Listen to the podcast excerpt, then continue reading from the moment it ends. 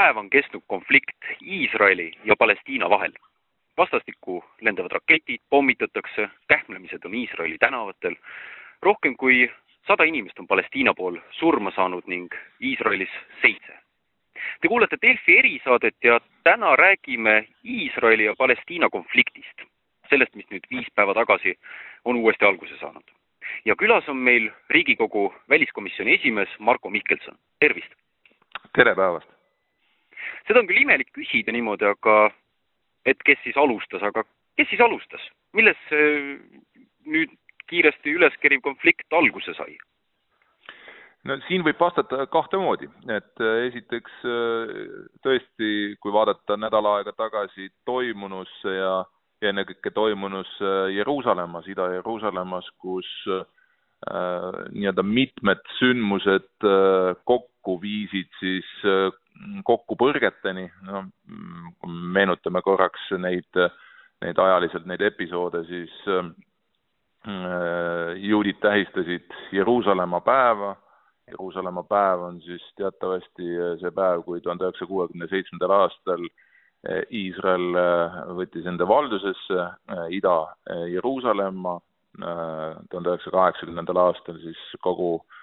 linn annekteeriti Iisraeli koosseisu ja nagu me teame, Iisrael peab siis Jeruusalemma tema täies ulatuses oma riigi pealinnaks. Nüüd samamoodi me teame, et ka Palestiina, kes soovib äh, jätkuvalt ju ka oma riiki luua ja, ja näeb äh, oma pealinnana ka osa Jeruusalemmast, ehk siis seda idapoolset Jeruusalemma, siis äh, selge on see, et, et eks sellised nii-öelda tähtpäevad ja sümboltähendusega äh, noh, ettevõtmised äh, tekitavad, äh, on väga sensitiivsed äh, ja võivad tekitada vastakaid tundeid. sinna juurde loomulikult haakus ja on haakunud päris pikema aja jooksul muidugi Iisraeli praeguse valitsuse, aga ka varasemate valitsuste asunduspoliitika ja, ja otsus välja äh, nii-öelda saata või, või oma kodudest välja saata äh, Äh, araablasi Ida-Jeruusalemmas, äh, tekitas omalt poolt täiendavalt äh, siis noh, sellist pahameelt ja, ja arusaadavalt viis ka kokkupõrgeteni ja loomulikult lõpuks tuleb silmas pidada, et eks Jeruusalemm on Meka ja Medina järel kolmas tähtsuselt linn, kus asub väga olulisi islamiusu nii-öelda sümboleid. Al-Aqsa tempel äh, või mošee täpsemalt, vabandust, on, äh, on loomulikult see, mille ümber ka nendel päevadel nädal aega tagasi ju äh, rahutused käisid, ka Iisraeli politsei väga jõuline käitumine seal no viis selleni, et, et nii, nii Jeruusalemmas kui ka mitmel pool Iisraelis, aga aga olulisemalt siis tõesti praegu selle, selle suurema konflikti kontekstis Hamas, kes peaasjalikult asub äh, Palestiina territooriumil Gaza sektoris, äh, kasutas võimalust ja, ja see pikaajaline viha, mis on äh, ju tõesti ja, ja vägivald ja vastuolu on püsinud Iisraeli-Palestiina suhetes väga pika aja jooksul, on nüüd ta uuesti lõkkele löönud ja, ja esimest korda kahe tuhande neljateistkümnendast aastast alates on siis äh, sellises massiivses ulatuses äh, me näeme raketirünnakuid äh, noh, mõlemapoolselt ja me teame, et Hamas on ju oma üheks poliitiliseks eesmärgiks jätkuvalt pidanud Iisraeli riigi hävitamist, teisest küljest ka Iisraeli valitsused, eriti siin viimased valitsused, pole kuigi palju samme astunud selles suunas, et mingilgi määral taaselustada rahukõnelusi äh, siis kahe riigi staatuse üle, pigem on ilmselt Jeruusalemmas või siis ütleme, Iisraelis mm, levimas see mõtteviis, et tegelikult võikski olla tulevikus ainult üks riik ja, ja see on äh, loomulikult äh, veel kord need, need pikad ja sügavad haavad, mis me siin viimastel päevadel oleme näinud, on lahti tõmmanud ja, ja see konflikt äh, ei näi hetkel küll küll kuhugi poole rahunemismärke, isegi Egiptuse mm, vaherahu sobitused või katsed diplomaatiliselt mõjutada mõlemat poolt ei ole andnud siiani tulemust. täna on ju uudis ka sellest, et Iisrael kogub juba vägesid vaikselt sinna Gaza sektori piiri äärde, kas see konflikt võib veelgi eskaleeruda? no arvestades ikkagi seda ulatust tõesti, et äh, alates kahe tuhande neljateistkümnendast aastast me pole midagi nii, nii massiivset näinud äh, just nimelt äh, tulejõu poolest, mida on ka Hamas näidanud, et ta on oluliselt võimekam, vaatamata suurele blokaadile on, on ta relvastuses siiski sellised võimed, mis panevad, seavad ohtu nii Tel Avivi kui Jeruusalemma, mis on, asub Gaza sektorist ikkagi äh, mõnevõrra kaugemal kui, kui tavapäraselt äh, selliste raketirünnakute sihtmärgiks olevad linnad, mis on vahetult seal Gaza sektori piiride lähistel ja, ja eks analüütikud ütle, et kui Iisraeli äh, kaitsejõud praegu ei tegutse resoluutselt, siis tõenäoliselt äh, lähematel aastatel Hamas on veelgi äh, veelgi võimekam. nüüd teine pool on loomulikult selles, et eks, eks tabas ka Hamasi tegevus mõnes mõttes üllatusena Iisraeli kaitsejõudusid vähemalt äh, ei olnud äh, see, see valmisolek, ütleme, selline, mida, mida võinuks eeldada või, või, või õigemini võiks, võinuks öelda, et siis Iisrael teadlikult seda konflikti on on äh, pingestanud, et ikkagi ka nädala algul olid kaitsejõududel plaanis hoopis teist laadi äh, sõjaväeõppused, mis polnud seotud üldse sellega, mida me näeme praegu Gaza ümber toimuvat. Ja see, et tõesti jah, on kuni siin äh, ligi kümme tuhat reservisti on kutsutud äh, tegevteenistusse, näitab, et Iisrael tõenäoliselt kalkuleerib ja Iisraeli valitsus kalkuleerib erinevaid stsenaariumeid, muidugi maavägede nihutamine Gaza sektorisse tagasi on kõige, kõige riskantsem äh,, aga nagu näha, siis ei saa seda ka välistada. Ja muidugi eks kogu selle loo juures on oluline ikkagi silmas pidada, et paraku on äh, nii ühelt kui teiselt poolt, nii Palestiina kui või siis Hamas otseselt praegu tegutsemas Iisraeli vastu ja ka Iisraeli valitsuse poole pealt. Me teame, et sisepoliitika on väga habras.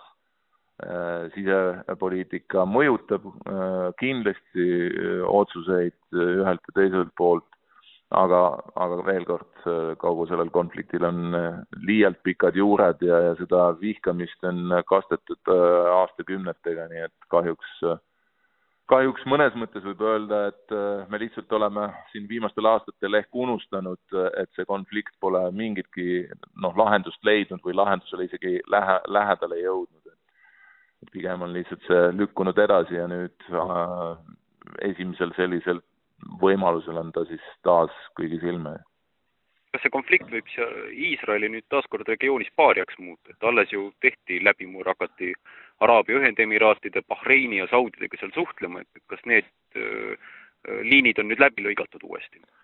see on väga hea küsimus, et see on tõesti esimest korda, kus kohas ka Araabia Ühendemiraadid ja, ja Bahrein, aga ka Maroko, Sudaan, kes ju tegelikult eelmise aasta septembrist alates esimest korda üldse ajaloos normaliseerisid äh, suhted äh, Iisraeliga, lõid diplomaatilised suhted ja ja, ja avati lennuühendused ja just nimelt eriti majandusalane koostöö on äh, juba käivitunud päris aktiivselt nüüd on küsimus selles, et äh, mis siis peaks olema või mis on äh, reaktsioon Abu Dhabis või, või siis äh, Bahreinis või, või, või mujal.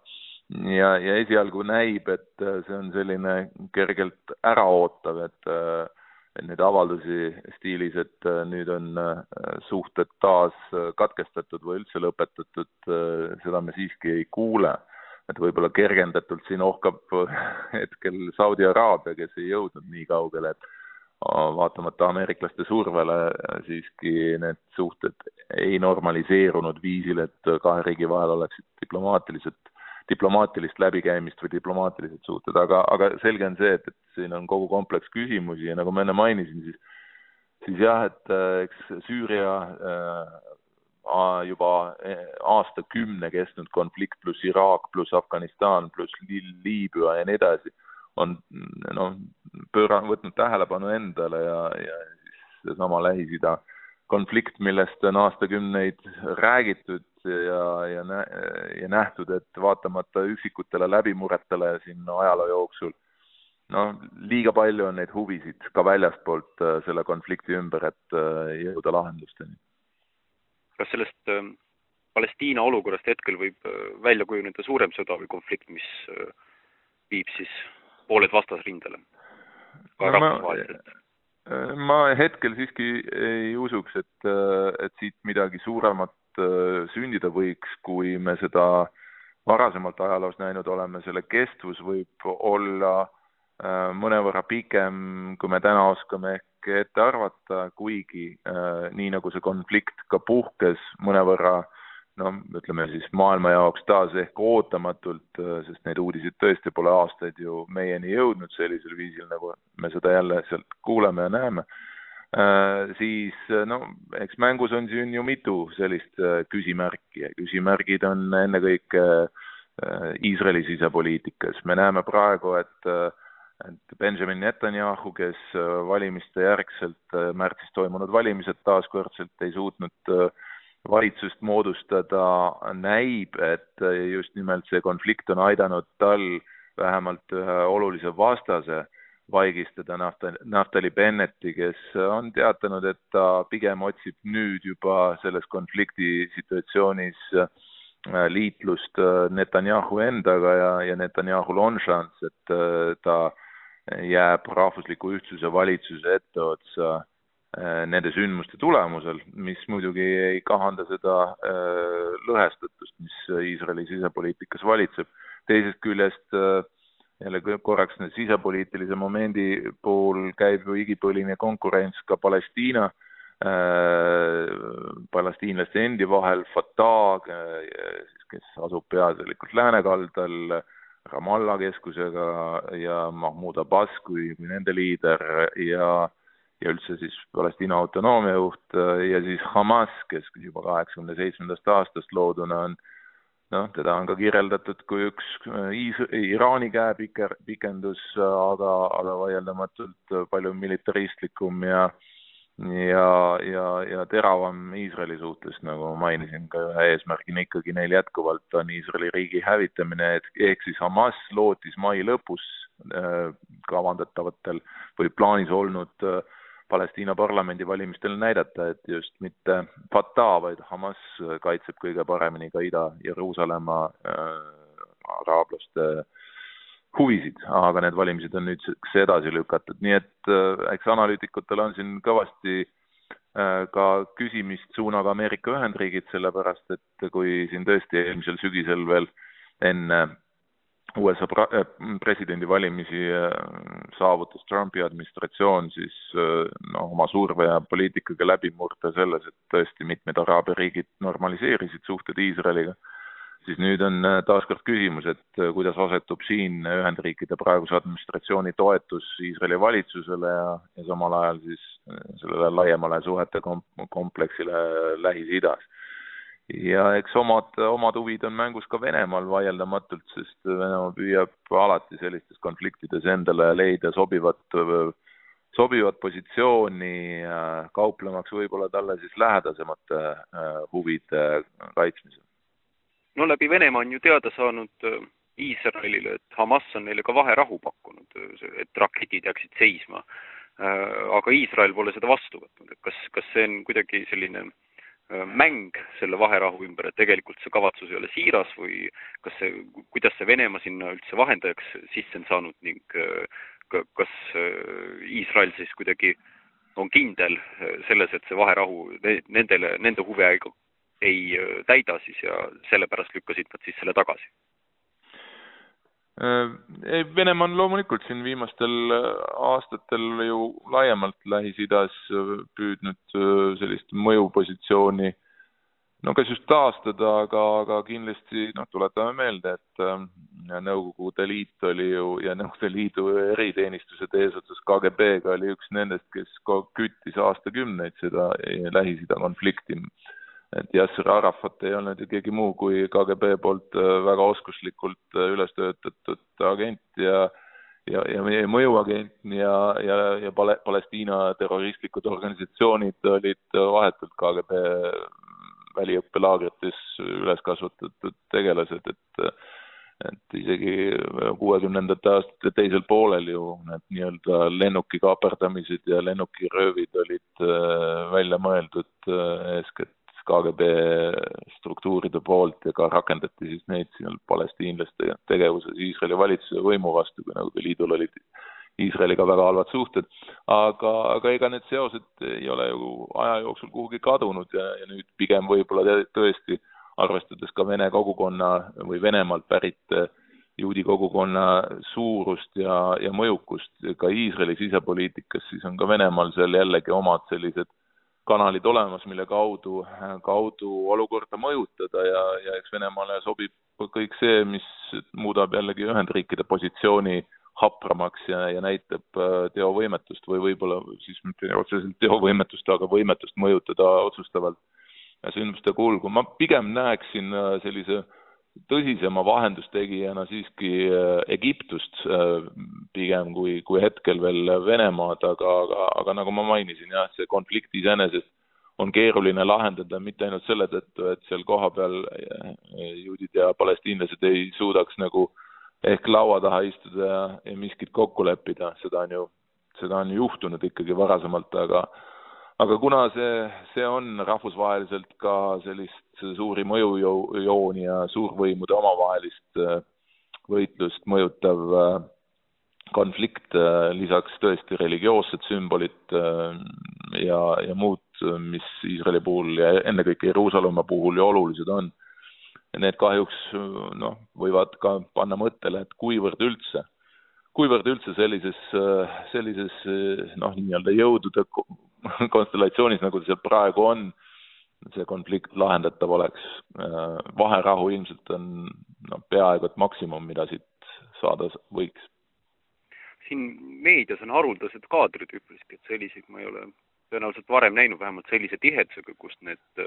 raketid üle piiride lendavad Iisraeli poolel on siis see raudkuppel, mis võtab suurema osa välja, aga samamoodi lendavad need ka Iisraeli poolt pommid ja raketid äh, Palestiina poolele, Gaza sektorisse. aga neid äh, rakette, mis sealt Iisraeli suunas on saadetud, on Hamasil, ma olen lugenud nüüd välismeediast, et umbes paar tuhat tükki juba saadetud, et kust Hamas need raketid üldse sai või kuidas, see tundub ju röögatu kogus. Jah, et, et nagu ma mainisin, Hamasi võimekus vaatamata no ütleme siis näilisele blokaadile on, on ju muljetavaldav, et ikkagi suuta mitte ainult rakettide, vaid ka nüüd, mis see, selles konfliktis ja praeguses episoodis nagu esmakordne on ka mehitamata selliste kamikaatselennukitega või droonidega siis äh, rünnata Iisraeli objekte või, või tsiviilelanike piirkondi, et et eks, äh, eks ikkagi need kurikuulsad tunnelid, mis ühendavad äh, siis Gaza sektorit Siinai poolsaarega, Egiptusega, aga, aga kindlasti, nagu ma mainisin, ka Iraani tegevus äh, Iisraeli survestamisel äh, läbi Hamasi, aga noh, läbi ka Liibanonis tegutseva Hezbollah on olnud ju pikalt teada ja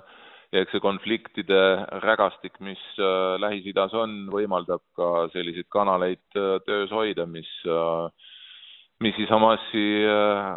varustavad relvastusega ja nagu ma mainisin, ju ka äh, viimati ikkagi oli nii terav olukord äh, alles seitse või noh, juba, juba seitse aastat tagasi, et seitsme aasta jooksul on kogutud ilmselt siis piisavalt jõudu, et seda täna välja näidata. Ja, ja, ja no teisest küljest noh, mõelgem korraks seal nendele tõesti numbritele, et kui eile siis vastu, ööl vastu reedet äh, Iisrael ründas õhust äh, Gaza sektorit, peamiselt siis neid põhjapoolseid alasid, Gaza sektoris äh, siis kaasati rünnakusse sada kuuskümmend ründelennukit, et äh, see, see hulk on ikkagi väga massiivne ja tõesti noh, selle pinnalt äh, praegu öelda, et nüüd on, on kiirelt võimalik kuidagiviisi nagu rahu saavutada, on või, või vähemalt vaherahu saavutada, on keeruline, sest nähtavasti ka Iisraeli praegune eesmärk on äh, nii palju kui võimalik nõrgestada siis Hamasi nii juhtimisstruktuure kui ka nende võimekust Iisraelit rünnata. Kuidas see konflikt nii kiiresti üldse eskaleeruda sai, et viis päeva on möödas sellest, kus olid siis, ma saan aru, Templimäel sellised suuremad protestid ja siseriiklik rahutus ning politsei kasutas seal üleliigset jõudu ja viis päeva hiljem sada kuuskümmend lennukit lendab Gaza kohal, tuhanded rakette on lennanud Iisraeli suunal, on ju. et, et äh, see on ju metsik tempo, millega on jõutud äh, ühest äh, siseriiklikust jõukasutusest kahe kogukonna konfliktini. Ma arvan, et sellele kõige lihtsam on vastata just nimelt seda, et seda konflikti ei ole ju noh, see, seda pole kunagi suudetud lahendada, ta on, see tuli on kogu aeg hõõgunud nii-öelda tuha all, väiksemaid äh, raketirünnakuid on toimunud ju ka selle seitsme aasta jooksul, päris nii ikkagi ei ole, et oleks nagu vaikus olnud see seitse aastat. aga, aga jah, ega siis Hamasi eesmärk pole muutunud, Hamas jätkuvalt näeb äh, kordan siin üle, et näeb Iisraeli riiki äh, oma peamise vaenlasena ja, ja selleks on valmistutud ja ja loomulikult, kui on mängus veel ka sellised sisepoliitiliselt tundlikud teemad, et näidata, kes on tegelik äh, palestiinlaste huvide kaitse, kaasa arvatud ka Ida-Jeruusalemma eest seisja, ja, ja, ja siis, kui, kui noh, kõigi silme all tänapäeval ju sotsiaalmeedia on sekunditega võimeline äh, tekitama ka sellise, sellise kiire mm, uudiste laviini ja, ja, ja kaasama sellesse noh, ühesõnaga emotsionaalset pinget ja tõstmaks emotsionaalset pinget, siis loomulikult need reaktsioonid võivad olla kiired ja ja kui need võimed on olemas, nagu Hamasi me näeme, on olemas selline rakettide hulk ja võimekus seda siis ka Iisraeli suunas välja tulistada, siis noh, siis, siis see on, siis see on teatud mõttes nagu isegi ei ole nagu üllatav ja teisest küljest ka Iisrael on ju ju äh, oma eksistentsi ikkagi üks alussammas on kaitsejõud, äh, valmidus äh, ükskõik millistele terroristlikele rünnakutele vastu seista või ka välisele ohule, sest Iisraelit ikkagi ümbritsevad riigid, kes ei tunnusta selle riigi olemasolu ja ja loomulikult see noh, see vägivalla järele haaramine selles olukorras on, on kahjuks väga lihtne kas Iisrael on selles konfliktis õigesti käitunud? palju on ju teda kritiseeritud ka rahvusvaheliste organisatsioonide poolt, kas olgu siis seesama palestiinlaste kodudest väljatõstmine või ähm, sinna samale territooriumile iisraellaste äh, asutamine ning samuti ka need Templimäe äh, politsei käitumised, et äh, kas Iisrael on selles olukorras praegu nüüd rünnatav või on ta ründaja? no mina ütleks küll, et äh, eks siin on äh, ikkagi äh, no kui nii võib öelda, siis tuhka peavad pähe raputama mõlemad pooled. et, et vaieldamatult see, see selline konflikti teravus ja ulatus ei oleks äh, täna nii suur, kui kui ol-, kui ei oleks olnud seda nii-öelda noh, kas proportsioonidest välja või, või üldse sellist ootamatut ka juriidilise jõu kasutamist Ida-Jeruusalemmas kümne, kümmekond päeva tagasi. et, et igasugune äh, religioossete sümbolite ajalooliselt väga oluliste nii-öelda maamärkide mõjutamine jõuga, kellegi piiramine mingeid rituaale läbi viia või vastupidi, neid teistele peale suruda või nähtavalt näidata, et no eriti kui tegemist on niivõrd tundliku teemaga, nagu seda on üldse Jeruusalemma staatus, see on ju kogu äh, Palestiina-Iisraeli konflikti keskne äh, küsimus ja, ja noh, me näeme, et et sellest ju ei aita, et kui ka mitmed riigid, kaasa arvatud Trumpi administratsioon, kui ta tunnustas Iisraelit, vabandust, siis Jeruusalemma äh, Iisraeli pealinnana ja, ja viis ka saatkonna sinna üle, siis noh, see see oli sümboolne samm, riivas kindlasti paljude palestiinlaste arvamust ja, ja tundeid, aga, aga teisest küljest ega ta seda noh, nii-öelda seda rahu või, või seda eesmärki lähemale siiski pole toonud, mis puudutab seda, et et, et oleksid välistatud taolised tõsised sõjalised konfliktid, nagu me praegu näeme, toimuvat, nii et et selles suhtes ma ütleks jah, et eks oma rolli mängib Äh, kindlasti Iisraeli sisepoliitika, Iisrael kui demokraatlik riik äh, vaieldamatult äh, on nii nii, nii plusside kui, kui miinustega selles kontekstis, aga aga eks teisest küljest me peame jällegi aru saama ka Iisraeli enda ajaloo kontekstis, et kui tõsised eksistentsiaalsed küsimused neil alati on olnud tulnud lahendada. kas just selleks on alati kõige õigemaid lahendusi kasutatud ja, ja no ütleme ka meie kontekstis eh, vaatame ikkagi väga väga noh, murega ju sellele, kui, kui tulevad mängu sellised terminid nagu okupatsioon või anneksioon ja nii edasi, mida paraku on Iisrael Palestiina territooriumite suhtes rakendanud ja, ja see tekitab äh, tõsiseid pingeid, kui me rahvusvaheliselt mõtleme, et et kuidas hinnata siis Iisraeli tegevust. Ja teisest küljest äh, ega palestiinlased ise pole ka suurt midagi suutnud, äh, kas või siin viimaste aastate jooksul, kui oli näha, et tegelikult selline noh, kas või Araabia riikide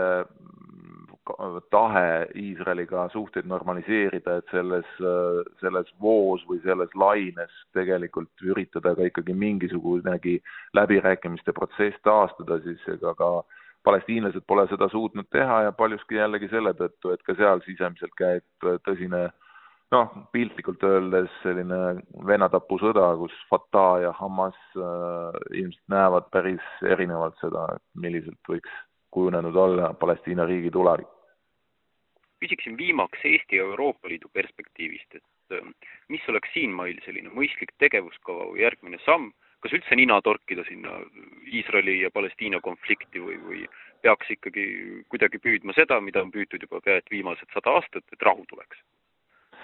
Ja ma ütleks, et äh, siin on ka jällegi äh, terve terve hunnik küsimusi, ma mõtlen selles mõttes mitte nüüd küsija poolelt, aga aga konflikti enda ajalugu ju on üles, üles näidanud seda, et välja pakutud lahendusteed pole kestvat rahu siiski suutnud tekitada, noh, põhiline ju ja, ja kõige enam levinud arusaamine ka Eesti poolt järjekindlalt oma välispoliitilistes hoiakutes hoitud kurss kahe riigi nii-öelda staatuse määramisel läbi diplomaatiliste kõneluste ja tahte siis leida lahendusi ilma vägivallata.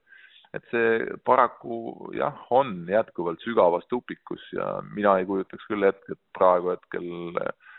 et kusagil siin fooris roheline tuli põleks, teisest küljest noh, nii-öelda muud lahendused on samavõrd viimas tupikusse, aga, aga meie ei saa sellest kuidagi eemal seista, sest eriti praegu Eesti, kes me oleme ju ÜRO Julgeolekunõukogu mittealaline liikmesriik, siis siis need teemad on seal Julgeolekunõukogus juba üleval, ka, ka meil väliskomisjonis sellel nädalal oli võimalus Sven Jürgensoni, meie ÜRO saadikuga nendel teemadel arutleda ja ja tõenäoliselt siis sellel nädalavahetusel leiab aset ÜRO Julgeolekunõukogus ka äh, ka antud teemal avatud istung, kus, kus ka Eesti siis osaleb ja eks meie eesmärk on ju ikkagi koos samameelsete riikidega, ennekõike siis Euroopa Liidu liikmesriikidega kujundada võimalikult ühtset positsiooni, aga ka siin kindlasti ka Euroopa Liidu liikmesriikide vahel on erinevaid nägemusi sellest, et et, et äh, kuidas, kuidas selle konflikti peale vaadata, et, et on neid riike, kes jäägitult selgelt äh, annavad toetuse Iisraelile oma enesekaitse väljenduseks ja noh, mõneti on see täiesti arusaadav, teisest küljest äh, me peame, peame ka noh, kui me tahame lähtuda sellestki positsioonist, et, et sellel konfliktil võiks ühel hetkel olla ka äh, rahunev lõpp või, või vähemalt kestev, kestev rahu, siis on selge, et mõlemad pooled peavad siin mõne sammu tagasi tegema. ja siinkohal ma lõpetaksin ka meie saate.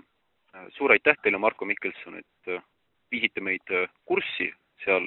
Iisraeli ja Palestiina territooriumil toimuvaga ja kindlasti iga päev viib,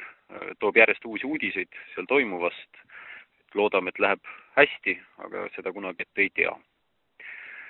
ja suur aitäh ka erisaate kuulajatele, et olite meiega. ilusat nädala lõppu teile ja kuuleme taas kord siis juba järgmisel nädalal. kõike kena!